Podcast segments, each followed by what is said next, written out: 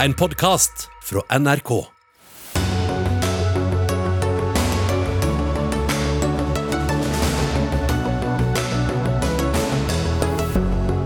Viggo Kristiansen løslates etter 21 år i fengsel. De pårørende ber om politibeskyttelse. Selv varsler Kristiansen søksmål om erstatning. USA skal ha spionert på norske toppolitikere. Det har de ingen grunn til, sier Erna Solberg. Ikke godt nok. Myndighetene må kreve svar fra amerikanerne, sier Senterpartiet. Overraskende mange av dem som ble forsøkt drept på Utøya, sliter fortsatt, ifølge forskning. Vi blir aldri ferdig med 22.07, sier AUF. Og klassisk figurativ kunst blir systematisk refusert av statens høstutstilling, tordner kunstner. Den kritikken er det ikke noe hold i, svarer styrelederen. Dette er noen av sakene i dagens Dagsnytt 18, hvor vi også skal diskutere om blinde og svaksynte barn får godt nok tilrettelagt undervisning. Jeg heter Sigrid Solund. Han vil be om millionerstatning. Bistandsadvokaten ber om kontaktforbud. Denne uka slipper Viggo Kristiansen antagelig ut av fengsel etter å ha sonet 21 år for drap og voldtekt av to barn i den mye omtalte Baneheia-saken. I april bestemte Borgarting lagmannsrett at Kristiansen ikke skulle løslates, men nå slippes han altså mest sannsynlig ut av fengsel likevel. Så hva har skjedd, Olav Rønneberg, krimkommentator her i NRK? Det som har skjedd er at Påtalemyndigheten nå har samtykket i at Viggo Kristiansen kan løslates. De har sendt et skriv til Høyesterett. og Slik sett er de jo da enig med forsvarerne i at Kristiansen kan slippes ut nå. og Da er dette nærmest bare en formalitet. Høyesterett skal behandle det, eh, og de skal skrive en avgjørelse. Men etter alle, alle solmerker så gjør de det denne uken, og iallfall før helgen. og Det betyr at Viggo Kristiansen er en, en fri mann innen helgen, slik saken står nå. Statsadvokaten kunne ikke være med hos oss, men hva er begrunnelsen for at de kom med dette nå? Årsaken er at uh, vurderingen og behandlingen av saken tar lengre tid enn det man først trodde. Det er jo påtalemyndigheten som skal bestemme om det skal bli en ny rettssak mot Viggo Kristiansen. Uh, der er det nå en ny etterforskning i politiet. Den vil ta mer tid. Man tror at man først utpå høsten, kanskje opp mot juletider, vil avgjøre om det vil bli en ny rettssak, og da mener man at det er uforholdsmessig å holde Viggo Kristiansen fengslet så lenge når saken er besluttet gjenopptatt. og det Man da gjør, man ser egentlig på sikkerhetsperspektivet, eh, vernet av samfunnet, eh, hvor farlig er Viggo Kristiansen, da, opp mot det, og den tiden dette nå vil ta, og har landet på da at han kan slippes. Men har det noe som helst å si for hvor de potensielt lander, eh, denne avgjørelsen fra i dag? Der er påtalemyndigheten veldig tydelig på at det har det ikke ikke. Eh, og det har de nok rett i. Dette er isolert sett et spørsmål om løslatelse, fordi saken er besluttet gjenopptatt. Eh, men, men, prosessen med å bestemme om det skal bli en ny rettssak eller ikke, den går videre eh, slik det var forespeilet. Der er det som sagt ny etterforskning. Den skal til statsadvokaten, videre til riksadvokaten, som da tar den endelige avgjørelsen der. Så dette betyr ikke på noen måte at påtalemyndigheten har kastet kortene med tanke på en ny rettssak. Dette vekker jo også sterke reaksjoner hos mange, ikke minst i, i Kristiansand. I februar, eh, eller mars var det en eh, sakkyndighetsrapport som konkluderte med at det var en fare for at Kristiansen ville begå nye overgrep. Hvor stor betydning har sånne rapporter egentlig? Normalt sett legges det jo stor vekt på slike rapporter. Eh, delvis har disse rapportene i denne saken eh, lagt vekt på det Kristiansen er dømt for. Eh, nå har jo litt av grunnmuren der falt bort fordi saken er besluttet gjenopptatt. Det er nok også noe statsadvokaten har, sett på her. Men dersom det hadde blitt et nytt spørsmål om forvaring, så ville man sett på disse rapportene og, og lagt det til grunn. Og så er jo spørsmålet da hvis saken ikke hadde blitt gjenopptatt. Hvis man hadde bedt om en ny forlengelse av forvaringen til Viggo Kristiansen, hvor lenge ville han da blitt sittende? Antageligvis ville han blitt sittende i en kortere periode, kanskje en tre-fire år. Fordi det de, disse sakkyndige også sier, er jo at uh, han kanskje ikke skal slippes ut med en gang, at, uh, men at man skal fase han ut på en måte ut i samfunnet. Mm. Uh, også Det er nok noe påtalemyndigheten har sett på her. Helt til slutt også, Olav Ronneberg. Han, Forsvareren til Kristiansen har varslet at de, de, vil be om en millionerstatning. Er det, må de vente først og se hvor, om det blir en ny rettssak, eller hva skjer der? Ja, Det er altfor tidlig å, å kreve inn noe erstatning her. Først må da Riksadvokaten beslutte om det blir en ny sak eller ikke. Hvis det blir en ny sak, Og Hvis Viggo Kristiansen blir dømt, eh, så står jo saken der. Det er slett ikke sikkert at han noen ganger vil komme i fengsel igjen. Det er altfor tidlig å si. Men, men og skulle han bli frifunnet, da er det snakk om en millionerstatning. Men det er ennå langt frem i tid. En ny rettssak vil antageligvis ikke komme før neste vår. Da skal du få slippe ut. Takk skal du ha, Olav Rønneberg. Det er altså delte reaksjoner. Samtidig som støttespillerne til Kristiansen er glade i dag, så frykter de etterlatte at mannen som er dømt for drap skal flytte tilbake til byen der disse ugjerningene skjedde. Audun Bekkstrøm, du er bistandsadvokat for familiene i denne saken. Hva var familienes reaksjon i dag? Ehm, de etterlatte er eh, opprørte. Eh, de eh, syns dette var overraskende. Og de er nå bekymra for egen sikkerhet, og for så vidt også for andres sikkerhet. Han er vurdert som farlig. og han slippes nå ut uten at Høyesterett har fått uh, tatt en avgjørelse sånn som uh, man egentlig har sett for seg. Ja, for det, Dere har bedt om kontaktforbud og voldsalarm for foreldrene. Hva, hvilke vurderinger er det som ligger til grunn for det? Det er jo slik at eh, Lagmannsretten her, kriminalomsorgen og psykiaterne som har vurdert Kristiansen, alle disse instansene sier at eh, han fortsatt er farlig, at det er gjentakelsesfare. Og han har ikke gjennomgått noe program for tilbakeføring til samfunnet. Og dermed så er eh, foreldrene bekymra. Mm. Advokaten hans eh, kunne ikke være med hos oss i dag, men du er her, Bjørn Olav Jahr. Du er forfatter av boka eh, 'Drapene i Baneheia', og du har fulgt saken tett. Forstår du at familien blir redde og kanskje sinte over dette? Um, det, er litt, det er, vanskelig altså, de, jo, de, tror jo at Viggo Kristiansen er en dobbeltdrapsmann. Uh, og da er det klart at Sett i det lyset så, så kan man jo forstå det. Uh, men uh, jeg, jeg, jeg, skjønner ikke det, alt dette snakket om at Viggo Kristiansen er så farlig. Eh, altså jeg har også lest disse sakkyndigrapportene, og eh, jeg syns konklusjonen man trekker at han er farlig. Hvis man leser innholdet av de rapportene, så kommer Viggo Kristiansen veldig godt ut av de rapportene. Han er, en, han er, en, fange i dag som er den mest betrodde fangen inne på Ila. Han er en fantastisk flink fyr til å jobbe. Han er, liksom, han er, han er høyt betrodd rett og slett der inne. Eh, og han har, eh, han har, vist en veldig god oppførsel i fengsel fra ca. 2009 utover. Så, så, dette med at han skal være så farlig, det er en sterk overdrivelse. Men hvorfor konkluderte da denne rapporten med at det var stor fare, eller i hvert fall fare for at han kunne begå overgrep? Altså, det blir jo en lang historie, da, men du kan si Viggo Kristiansens psykolog, da, som har behandlet siden 2004, han sier at Viggo Kristiansen er helt klar for å komme ut i samfunnet. Han sier at han har gjennomgått alle mulige behandlingstyper med han, og at han har skikket seg veldig bra i fengsel. Og at han har kommet seg veldig, og at han har blitt et menneske som, som fungerer godt. Jeg, jeg, jeg, er jo ikke psykolog selv, jeg har møtt Viggo Kristiansen kanskje 30-35 ganger. Jeg mener Han er usedvanlig hyggelig, og han er en svært betrodd medarbeider inne på Ila. så Han, er, han får utrolig gode skussmål fra alle arbeidsledere og sånne ting. så så dette med, Det henger igjen fra tidligere av at han skal ha vært vanskelig, og han var ganske tøff eh, til å ha med å gjøre med inne på Ila de første årene, det vet jeg. Men eh, hvis man ser det på den, den måten at han faktisk er uskyldig, da, altså hvis man tenker seg at han er det, så kan man også forstå at han har hatt mye sinne i seg. Han har jo selv sagt at han var uskyldig eh, hele tiden, mm. Bekkstrøm. Og han ble dømt med en annen mann som tilsto drap og voldtekt, som har vært ute av fengsel i flere år. Hvorfor er det verre at Kristiansen kommer ut enn at denne mannen er fri? Nei, altså, dette er jo eh, en av de store misforståelsene i denne saken. Eh, nærmest at det ikke finnes bevis. Det er jo ikke sant. Eh, vi mener at bevissituasjonen i stor grad er lik den, den som var i 2000, når han ble dømt for dette først i byretten og så i lagmannsretten. Og særlig dette DNA-beviset mener vi står like sterkt eh, i dag. Og eh, så må vi jo huske på at dette var noen grusomme handlinger. Og Kristiansen er jo også dømt for lignende handlinger. Han er ikke dømt for lignende handlinger, det er han ikke. Det sier seg jo selv.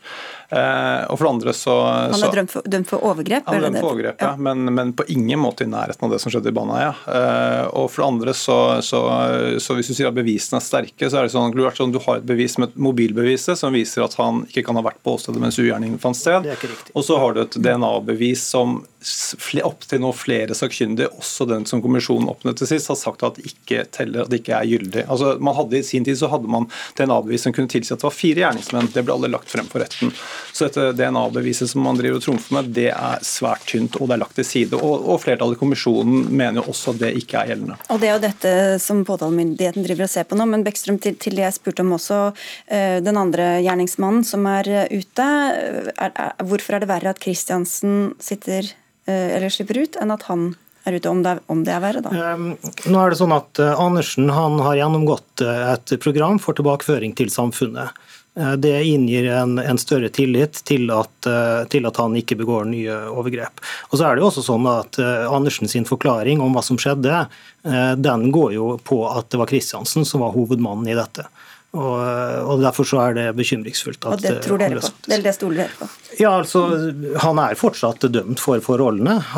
og det Foreldrene forholder seg til at det var en riktig dom i lagmannsretten i 2000.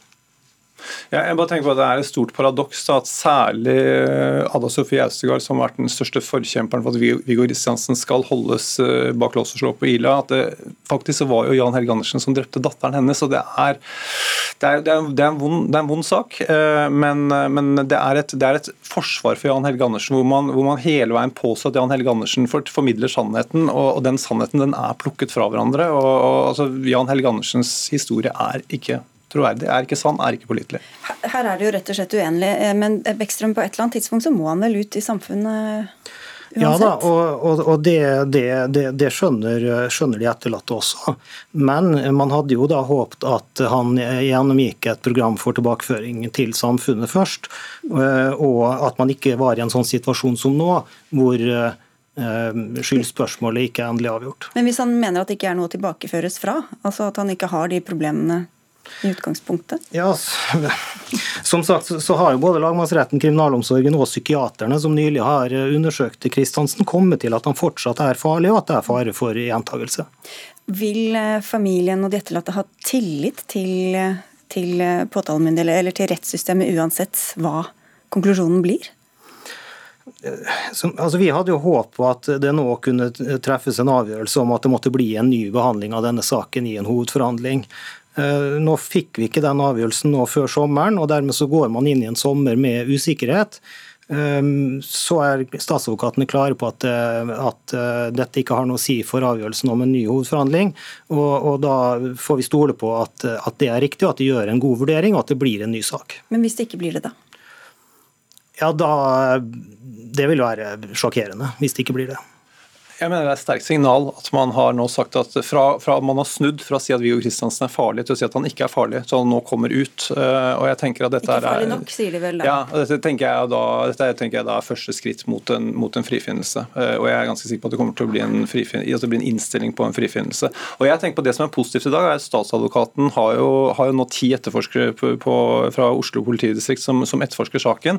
Og Det som vi snakker veldig lite om er, Det finnes veldig mange etterforskningsskritt i denne saken her som, som også kan rettes mot Jan Helge Andersen. For eksempel, så har jeg aldri sett liksom, noen som er opptatt av hva Jan Helge Andersen Hva slags svar fikk han når han var på sesjon? ikke sant? Altså, er, dette, er, dette, er, disse drapene drevet frem av en eller annen sånn syk manns militære handlinger? da? Dette er kraftige påstander som, som er helt, helt urimelige. At, at, man her på direktesendt TV nærmest antyder at Andersen er dobbeltdrapsmann, det, det er drøyt. Denne saken bør avgjøres i retten. Og jeg håper at eh, statsadvokatene kommer til den beslutningen at det må bli en ny behandling. Og Det svaret får vi ikke før om, ikke før om flere måneder, men på onsdag kan altså Viggo Kristiansen være en fri mann. Takk skal dere ha begge to for at dere kom til Dagsnytt 18. Audun Bekkstrøm, bistandsadvokat for de etterlatte, og Bjørn Olav Jahr, forfatter av boka 'Drapene i Baneheia'.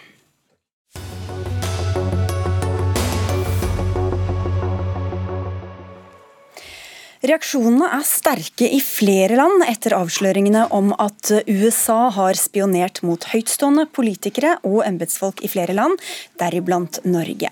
Det var Danmarks Radio som viste til gradert informasjon fra anonyme kilder da nyheten ble publisert i helga. SV og Rødt vil nå ha forsvarsminister Frank Bakke-Jensen til Stortinget for å redegjøre. Vi ville ha ham hit, men fikk nei i dag. Men Martin Gundersen, du er journalist i NRK Beta og har jobbet mye med denne saken. Avsløringene har jo en lang forhistorie. Det startet med Edward Snowden i 2013, som var utplassert i National Security Agency da han eh, lekket graderte opplysninger om det amerikanske etterretningsprogrammet. Disse nye opplysningene, hvor kommer de fra?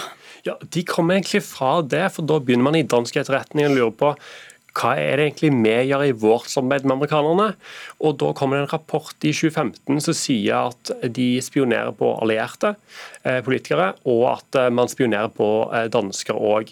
Eh, og noen år går til før i høst så kommer det ut offentlig at Tilsynet for dansk etterretning de er veldig kritiske til tjenesten, som mener bakholdt sentral informasjon. og Fra det så ruller skandalen videre i offentlighet.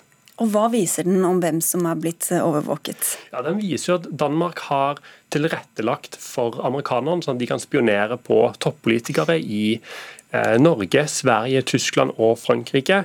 Eh, og at eh, amerikanerne skal ha et veldig fritt tilgang til systemet de samarbeider med dansk etterretning. Hvorfor er Danmark så sentralt der, da? Ja, De har en sentral posisjon i eh, hvordan internett sender trafikk. og De ligger litt mellom eh, Russland og resten av Europa, for eksempel, som er strategisk veldig gunstig.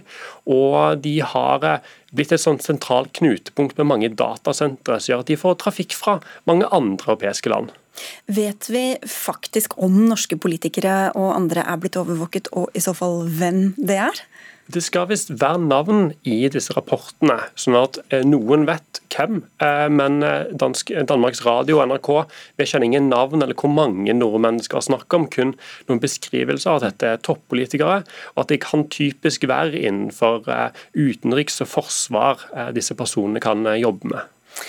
Da er det bare å spekulere, da. Vi hadde jo planlagt en debatt om denne saken, men eh, vi fikk verken med oss forsvarsministeren som sagt, eller noen fra Høyres gruppe på Stortinget. Men Emilie Enger Mehl, du sitter på Stortinget for Senterpartiet og er medlem av utenriks- og forsvarskomiteen og reagerer på disse opplysningene. Hvor alvorlig ser du og dere på dem?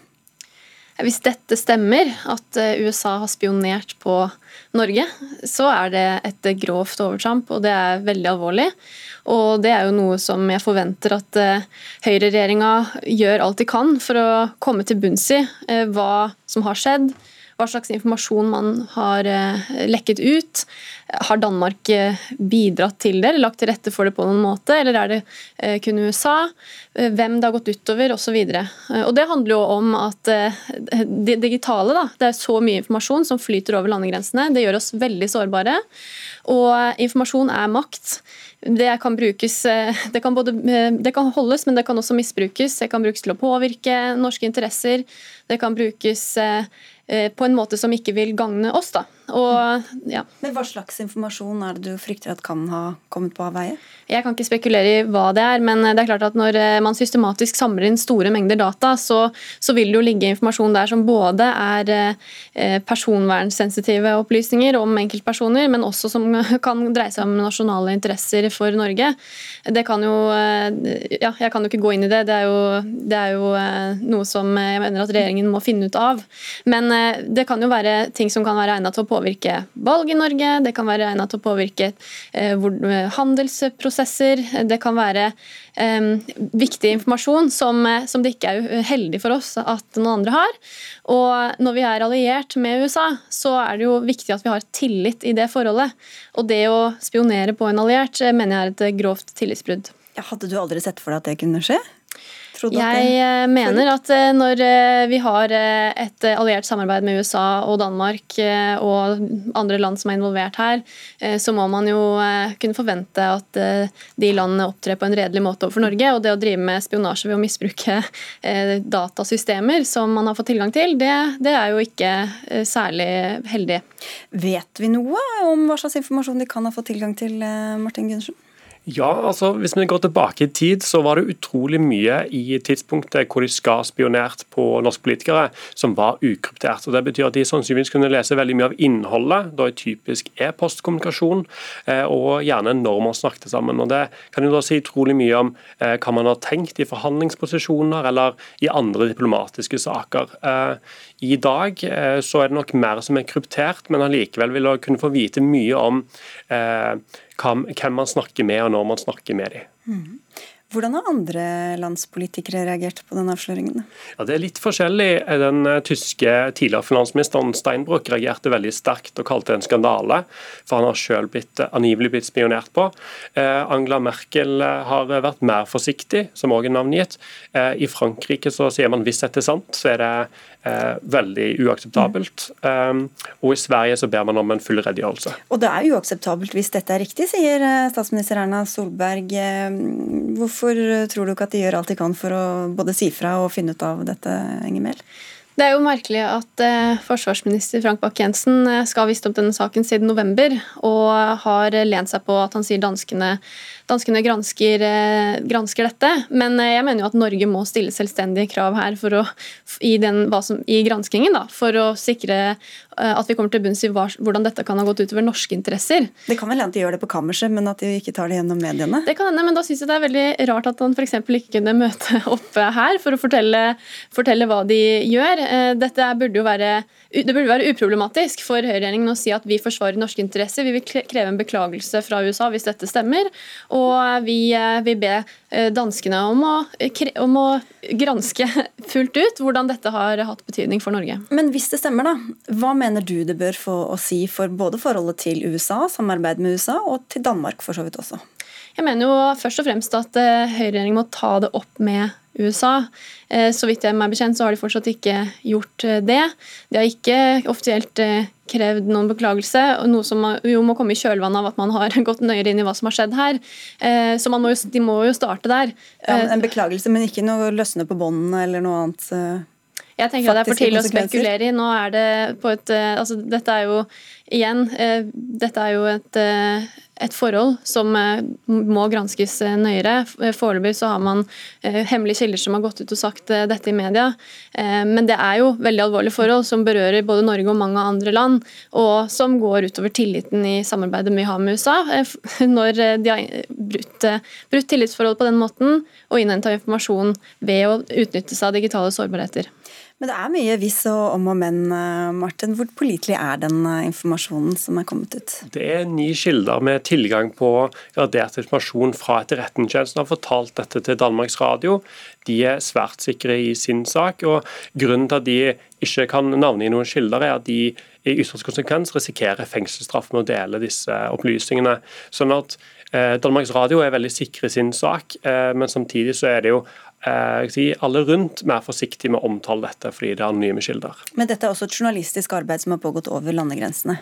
Yes, eh, Det er da flere medier som har vært involvert eh, underveis, men det er kun Danmarks Radio som har holdt i kildesamtalen og kjenner kildenes identitet. Mm. Og Hvordan følger opposisjonen opp saken nå, Mel? Nå håper jeg jo at regjeringen vil ta oppfordringen om å komme til Stortinget med en redegjørelse. Dette er jo, Hvis, har, hvis eh, USA har spionert på norske politikere, så har de jo spionert på demokratiet. De har jo tatt, tatt seg til rette og, og eh, kan ha henta ut informasjon som ikke bare er sårbart for de enkeltpolitikerne det gjelder, men også personer som kommuniserer med Stortinget f.eks., eller, eller mange rundt. Eh, så jeg forventer at regjeringen først og fremst gjør alt de kan for å bringe klarhet i saken. og og at de eh, sørger for at eh, USA får klar beskjed om at dette ikke er akseptabelt, hvis det stemmer. Vi får se om han dukker opp i Stortinget eller i Dagsnytt 18s eh, studio. Takk skal dere ha begge to. Emilie Enger fra Senterpartiet og Martin Gundersen i NRK Beta.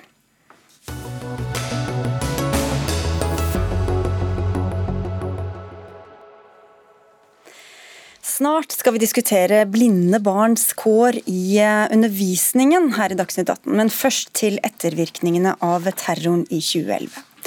Mange sliter fortsatt. En del har ikke fått hjelpen de har hatt behov for.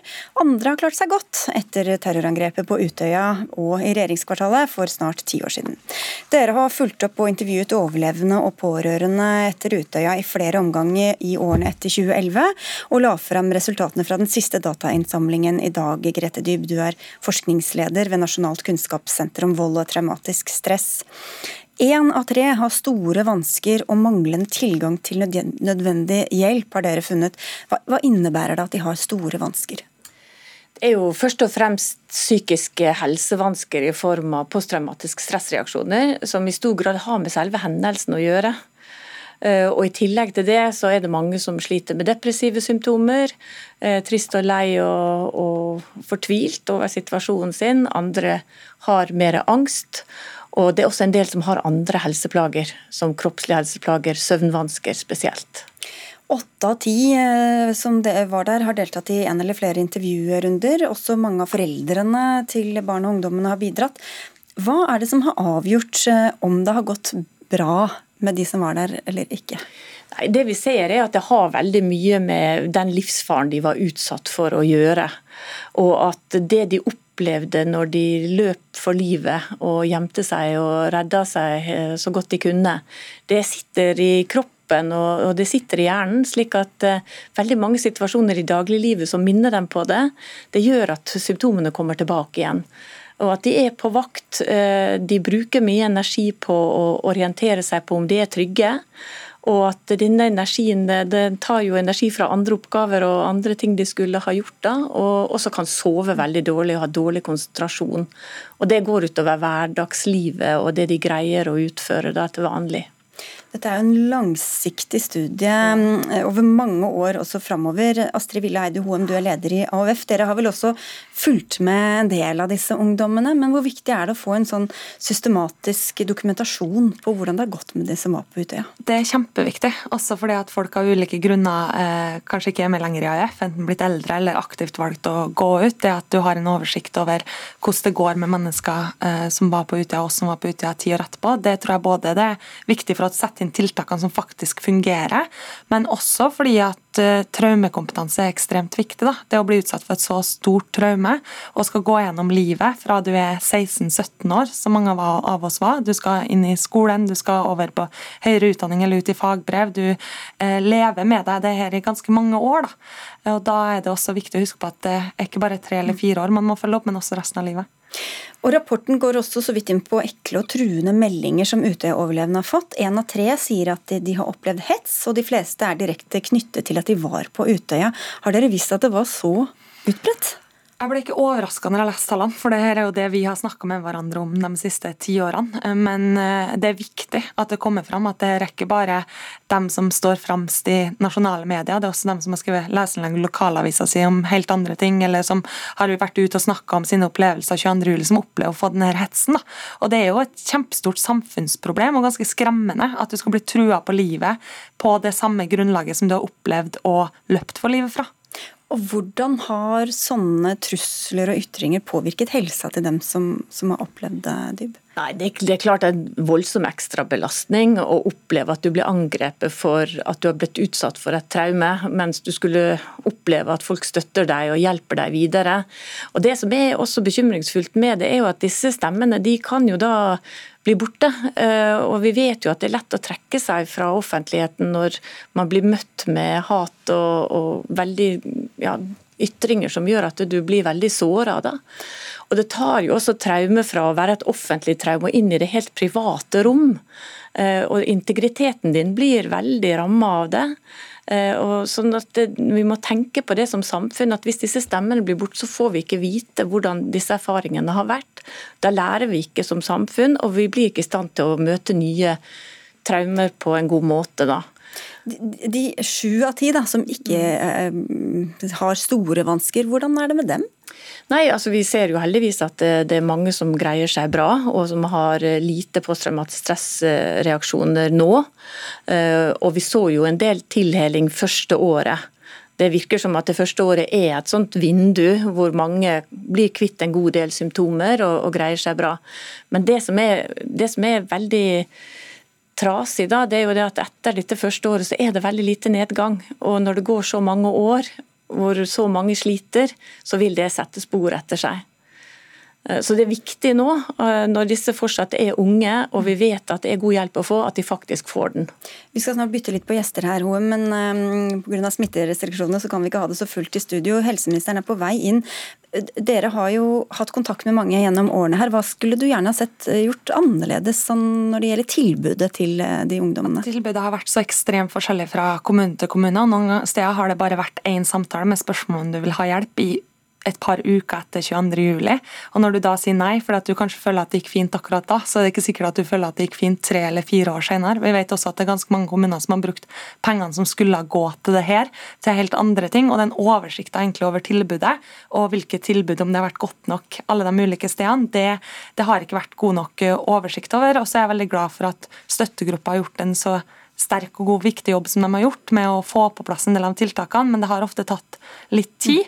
Og så tenker jeg bare rett før jeg skal gå at det er ekstremt viktig, for det viser jo også svikt ikke bare i oppfølginga av 22. juli-overlevende, men alle som opplever traumer i samfunnet vårt. da. Hvis vi har hatt så store utfordringer med det, hvordan er det å komme som flyktning til Norge f.eks.?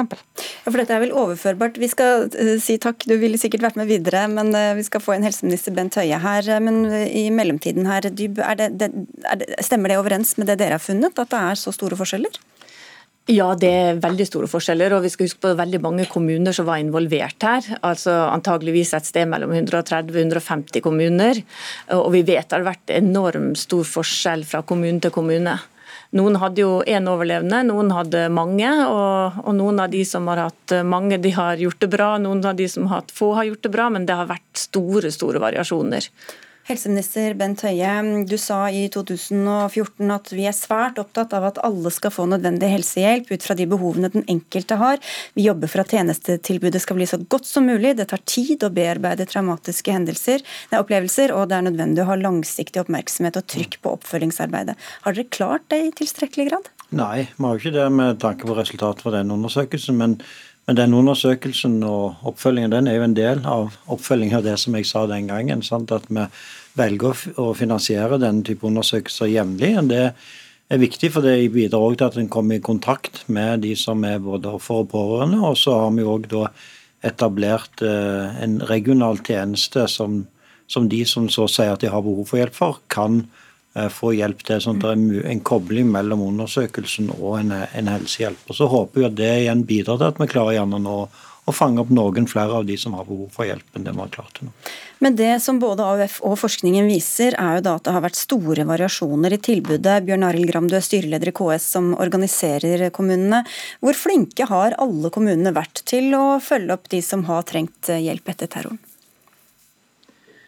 Det er jo helt sikkert variasjoner her både mellom de behovene som den enkelte har, hva den enkelte kommune har eh, klart å levere, og også hvordan tilbudet kan bli oppfatta. Eh, det må man jo selvfølgelig ta med seg. Det er veldig trist å høre at det, til tross for at det går bra, relativt bra med så mange, at det fortsatt er så mange som har ganske alvorlige problemer. Og alle kommuner ønsker jo å ha et så godt tilbud til sine brukere som mulig. Og så tror jeg vi må klart Kommunene har sitt eh, tilbud eh, knytta til eh, ordinære tilbud og lavterskeltilbud knytta til fastlegetjenesten, helsestasjon, skolehelsetjeneste, psykologtilbud. Skal du ha mer omfattende helsehjelp, psykisk helsevern, så må jo det òg i noen tilfeller skje i nært samspill med spesialisthelsetjenesten. Hvor viktig Dyb, har det tilbudet disse ungdommene har fått vært for hvordan de har taklet eh, den forferdelige opplevelsen? Ja, Det tror jeg har vært livreddende for veldig mange. Og vi vet jo også at mange har søkt spesialisthelsetjenesten. Til å begynne med så var det jo syv av ti som søkte hjelp i spesialisthelsetjenesten. Men veldig mye av hjelpen blir for kortvarig, og vi er også usikre på hvor adekvat den hjelpen har vært overalt. For det er jo ikke slik at Vi har spesialisert traumebehandling overalt i Norge, og vi vet at psykisk helsevern er jo en pressa tjeneste. Eh, så, så det, det, vet vi egentlig ikke. Hvor mye har de egentlig fått av veldig adekvat hjelp? da, fordi det å oppleve et traume er noe helt spesielt. Og det å ha disse påminnerne og ha opplevd å være i livsfare, det, det, krever spesialisert behandling. Men hvordan er det greit, Gram, at eh, hva slags eh, oppfølging du får er avhengig av adressen din? Nei, Vi ønsker jo som sagt at alle skal ha et godt tilbud. og Det er forskjeller. Det kan være forskjellige tilbud, men likevel likeverdig. og Noen ganger så kan det jo ha skjedd at det ikke har blitt godt nok, men behovene er jo forskjellige.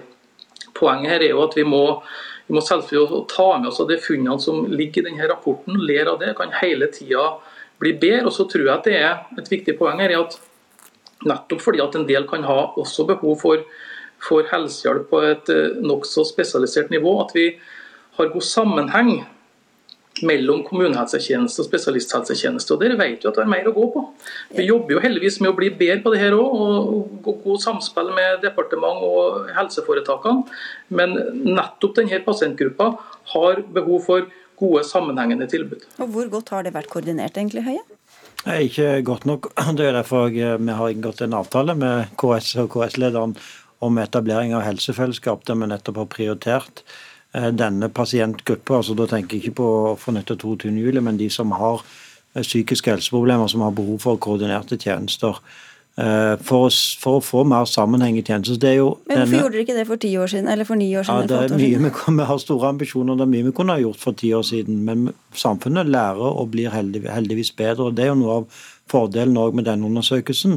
Den gir også kunnskap om selvfølgelig situasjonen for de som opplevde dette, men det er jo òg kunnskap om tilbudet vårt generelt. Og det er kunnskap om det å ha vært igjennom denne type opplevelser. For nå er dette en opplevelse som vi alle kjenner til, alle er oppmerksom på. Men det er jo mange mennesker hvert år i Norge som er igjennom en personlig traumatisk opplevelse som kan sette den type spor. Og For de er òg denne undersøkelsen viktig, fordi den avdekker nettopp forbedringer som vi kan gjøre. Vi skal få en kommentar på det, men bare først til det AUF-lederen sa, at uh, det var ikke sikkert at pengene hadde gått dit de skulle, som gikk til kommunen. og uh, Gikk ikke til nødvendigvis til helsehjelp for dem som skulle ja, Det er helt riktig. helt i begynnelsen etter hendelsen så ble det bevilga noen penger til kommunene som ble fordelt uh, til kommunene ut ifra hvor mange som de hadde som var Eh, berørt. Og Der var det mye diskusjon etterpå måten de pengene ble bevilga på. Eh, for at det var noen kommuner som eh, da, For dette var ikke øremerka penger som nødvendigvis var til et spesifikt tilbud. Det var noen kommuner som da mente at de ikke hadde behov for noe mer enn det de hadde av tilbud allerede. Så ble... Betalte de pengene tilbake? da? Eller? Nei, det er ingen av disse pengene som er blitt betalt tilbake. Nei, Gram, hva sier du til det? Ja, jeg kjenner faktisk ikke til det konkrete rundt det. det, det, det jeg tror vi, vi, er jo i en situasjon nå hvert fall, at vi kan kanskje ikke forvente at det er særskilte skal vi si, 22. juli-tilbud nå ti år etter, men at det er de ordinære tjenestene som må håndtere det hjelpebehovet som fortsatt er. Dette var jo for mange år siden, da. Hva sa du? Dette var jo, det er jo ikke nå, dette var jo for flere år siden. Ja, nettopp. Og jeg, jeg, klarer ikke å ta igjen historikken rundt det. Og det, det får vi nå evaluere, men poenget er jo likevel hva, hva situasjonen står vi nå, og hvordan jobber vi best mulig med det her. Ja, altså jeg tror vi hadde en veldig god plan etter 22.07 på hvordan eh, de som ble berørt skulle følges opp. og Det ble eh, igangsatt veldig mye akutt, og kriseteamene gjorde en veldig god jobb. Men etter ett år så, så vi at eh, de kontaktpersonene i kommunen de pakka sammen i, i, veldig stor grad. Så det vi må lære er at vi må følge opp over tid. Vi kan ikke gi oss etter at de blå lysene er slukka. De psykiske vanskene de kommer etter hvert. Og Det er da vi må være på plass. og Ressursene og kunnskapen må nå ut hele veien. Så vi må følge bedre opp med rådgivning og følge opp også kommunene.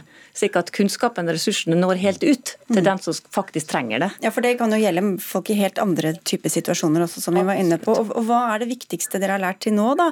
Om både hvordan apparatet rundt og også de menneskene selv kan, hva de kan gjøre for å klare seg best mulig i etterkant? Nei, altså Apparatet er ikke godt nok for å forstå hva dette gjør med unge mennesker. Og, og det er klart at De selv også kanskje trenger mer informasjon underveis på hva, hva, de kan forvente å oppleve. Og at vi også har en jobb å gjøre der. For vi vet jo at man må jobbe selv, og man må være motivert å jobbe med seg selv for å komme gjennom disse traumene. Fordi de setter spor etter seg når det er så alvorlig som denne hendelsen var. Mm og kan få konsekvenser i årene framover også for denne gruppa vi snakker om nå, Høie. Er du trygg på at det, de får godt nok tilbud framover også, når søkelyset gradvis forsvinner? Nei, Jeg tror ikke vi skal la søkelyset gradvis eh, forsvinne. Jeg tror vi må ha oppmerksomhet eh, på dette i mange år eh, framover. Det viser jo òg den undersøkelsen. Og så er det jo sånn at det er jo mye som har skjedd i kommunene siden på disse ti årene. Blant annet så er jo kommunene nå fått krav om at de skal ha psykososial kriseteam, beredskap. Det er en helt annen kompetanse i kommunene nå når det gjelder psykisk helse enn det det var for ti år siden. Så det har heldigvis skjedd forbedringer. Eh, så dette hadde nok kanskje vært annerledes i dag, men jeg tror allikevel at eh, lærdommen av dette, at det å oppleve så grunnleggende ting i livet, det er noe som mange vil ha med seg lenge. Men så er det viktig å si at eh, det er god hjelp mange får hjelp, og mange klarer seg veldig bra. sånn Det er viktig å få fortalt historien om at det finnes mye god hjelp eh, å få òg, sånn at en ikke tror at dette er noen som ikke en kan få hjelp for. Ja, må i hvert fall forsøke å få hjelp og spørre. Ja. Ja. Og jeg tror Vi har jo sett eh, på Gjerdrum nå for eksempel, hvordan en kommune kan bli så hardt rammet at man greier seg ikke sjøl. Det, det, det, er lett kanskje å, å, tenke seg at man får kriseteam fra andre kommuner til å stille opp, og sånn, men etter den første uka, etter de to første ukene, det er da reaksjonene kommer. og Da må man ha rigga et system som varer over tid. Og Det er stort sett kommunene som må gjøre den jobben, med selvfølgelig bistand fra spesialisthelsetjenesten. Og ikke minst vi som står enda lenger bak det regionale senteret, den nasjonale kunnskapen. Den må også nå frem. Og dere fortsetter med forskningsprosjektet. Takk i denne omgang, Grete Dyb, og takk til helseminister Bent Høie, til Astrid Villa Hoem fra AUF og Bjørn Arild Gram i KS.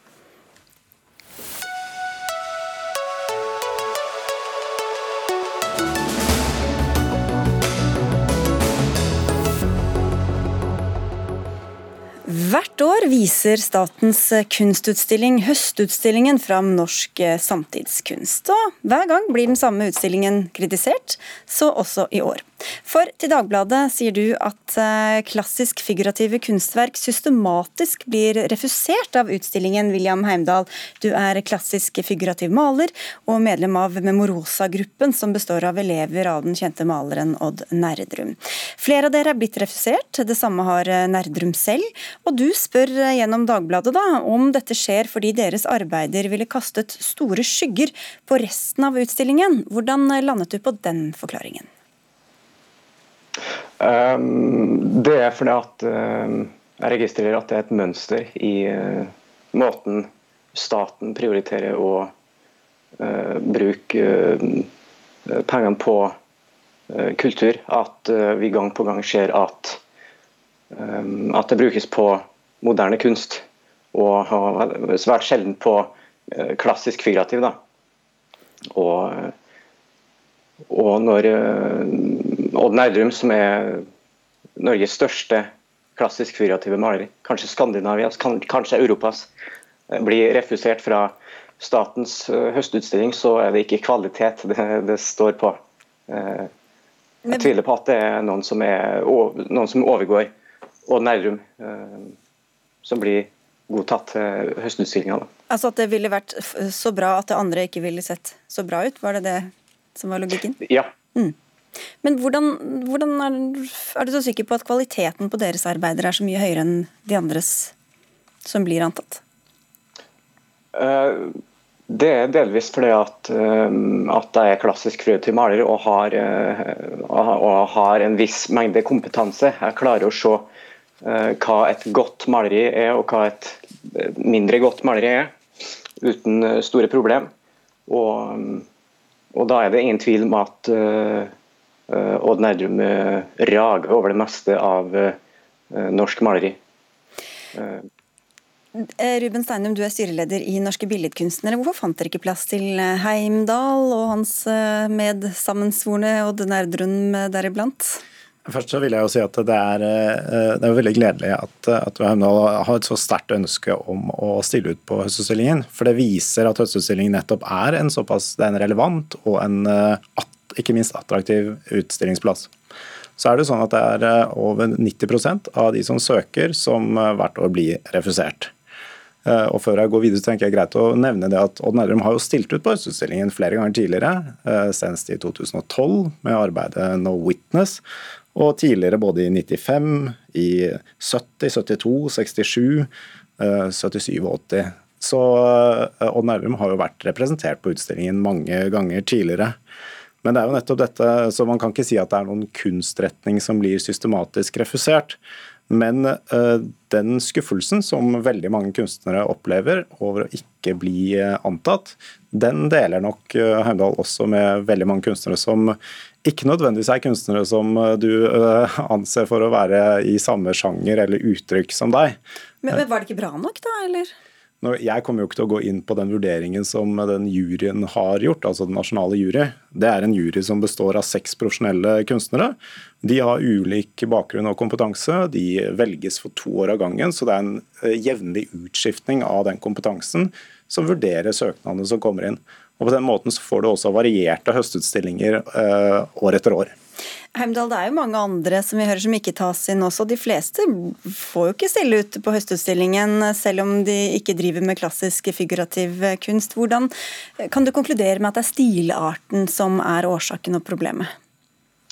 Fordi at, um, at Odd Nerdrum og meg sjøl og um, Turid Spildo f.eks., Monica Helgesen, ikke hobbymalere som har tatt en par malekurs med Ivan Gregorovic i Sandefjord. Eh, vi er, eh, vi er svært dyktige, vil jeg si, påstå. Så vi representerer det beste av klassisk figurativt maleri i, i, i Norge. Og, og ingen klassisk figurative maleri blir vist fram i år i høstutstillinga. Det er ikke noe tvil om at det er systematisk refusering det er snakk om. Stemmer det, Steiner? Nå eh, er ikke programmet for årets utstilling sluppet ennå.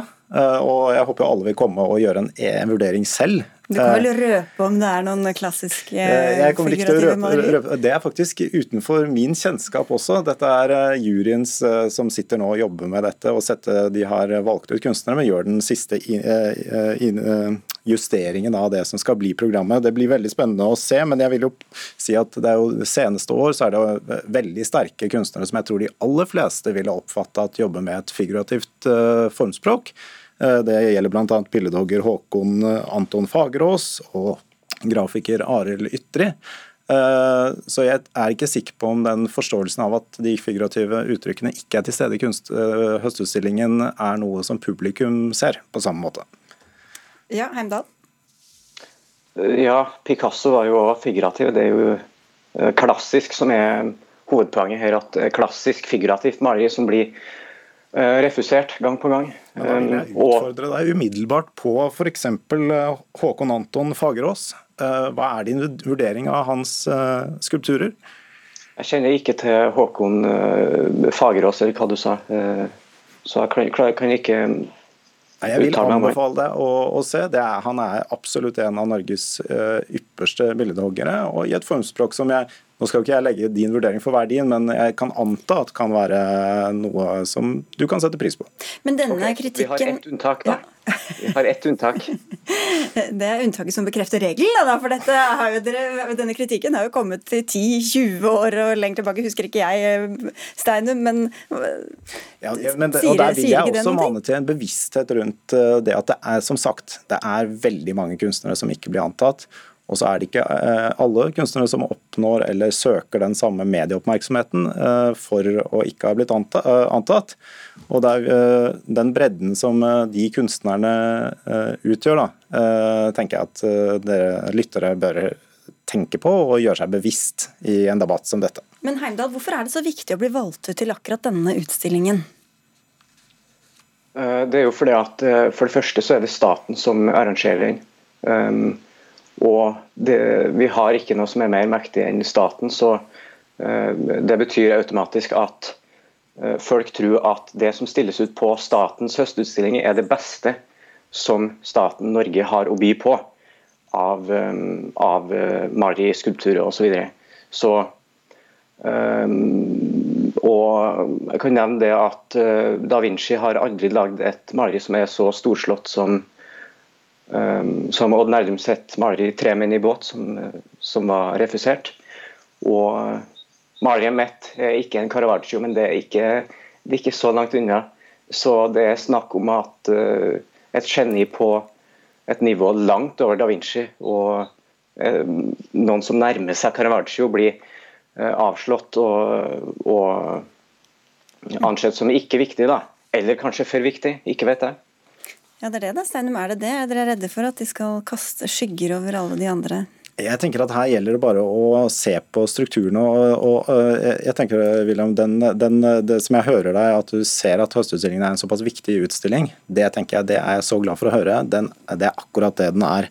Og så er det noen av strukturene hos Høstutstillingen som jeg vil fremholde som er det som på lang sikt er styrken her. Det at man nettopp har holdt på fri innsendelsesrett. Altså hvem som helst kan, kan søke.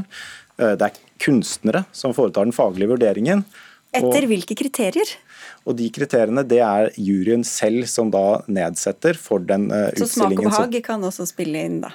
eller et faglige vurderinger av profesjonelle utøvere uh, og skapende kunstnere, eh, som jeg ville kalt det. Og så vil jeg si at Det å, å selvorganisere, altså det å lage egne utstillinger, som uh, Memorosa-gruppen også har gjort, dette gjør kunstnere i hele landet. og Det er, vi også, det er en stolt tradisjon i Norge blant eh, kunstnere, uavhengig av uttrykk, å etablere utstillingssteder for sine uttrykk. Og det kommer flere sjanser, Heimdal. Jeg tror vi mista deg litt. Du, takk skal du ha, William Heimdal, for at du var med, og tusen takk til deg også, Rob- Ruben Steinum fra Norske Billedkunstnere.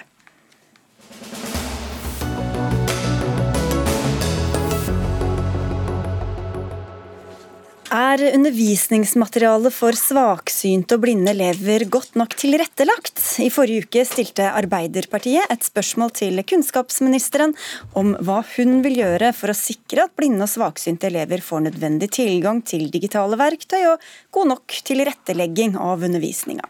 Og Det samme spørsmålet stiller dere, Sverre Fuglerud. Du er seksjonsleder i Norges Blindeforbund.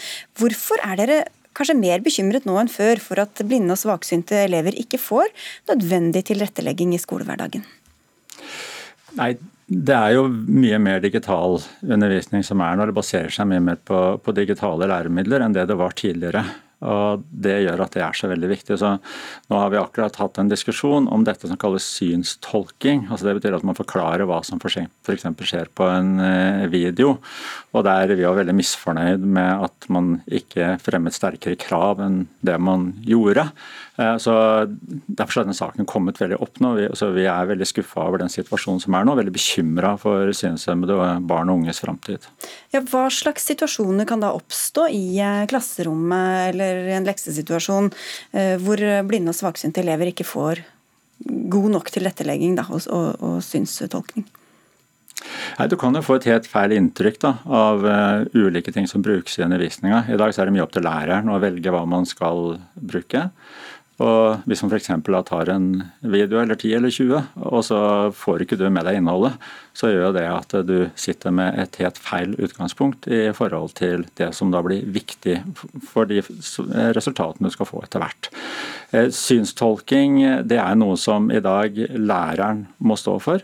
Og De er ikke eksperter på det, de har ikke tid til å gjøre dette ordentlig. Dette må gjøres på forhånd.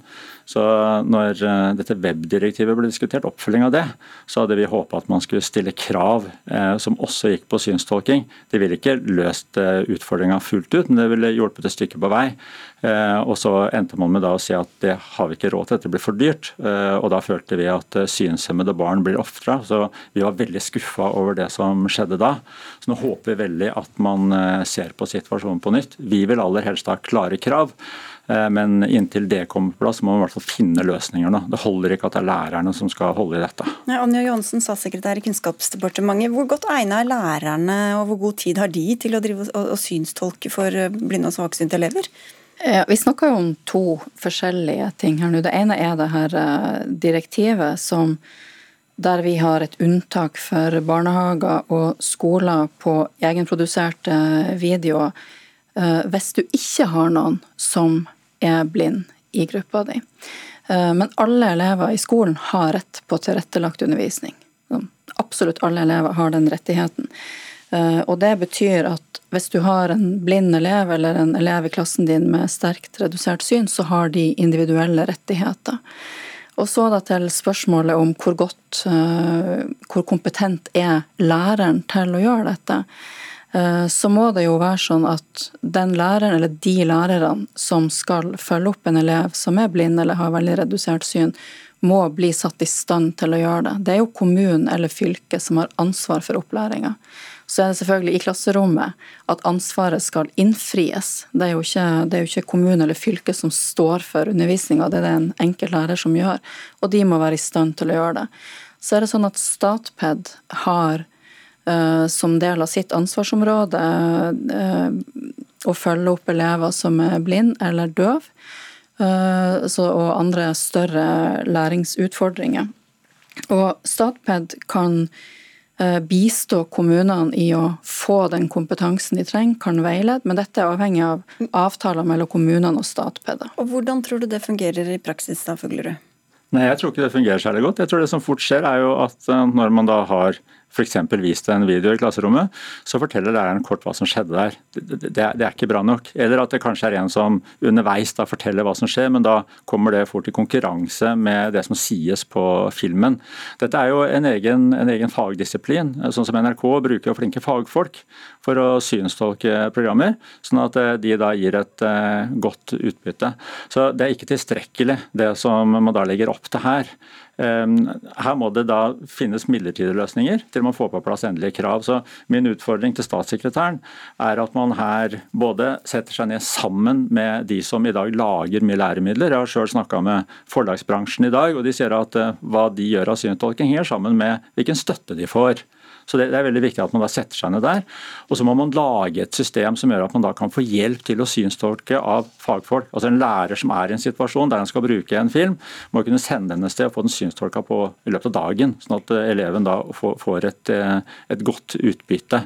Men på sikt så må dette bli en rettighet. og Det var det vi ble så skuffa over nå. da, At man uh, sa at dette er bra å gjøre, ikke bare for synshemmede elever, men også for andre.